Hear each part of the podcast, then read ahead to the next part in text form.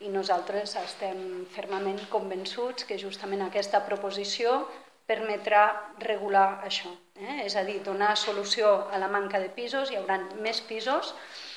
de la manera que, que ho enfoquem, pensem que el lloguer d'aquests pisos serà més accessible perquè, evidentment, eh, bueno, el que no volem a través de la llei és que el fons de reserva eh, tingui per vocació de participar en aquesta especulació, eh, sinó que bueno, després us ho explicarem més clarament de quina manera es calcularan aquests lloguers, però serà d'una manera raonada segons el cost de compra, de rehabilitació, totes les despeses que, que hagin pogut mm, s'hagin pogut necessitar per tirar endavant això i, eh, i després només hi hem, posat, hi hem posat a dins de la llei que hi hagi un rendiment del 2%, eh? un rendiment que considerem que,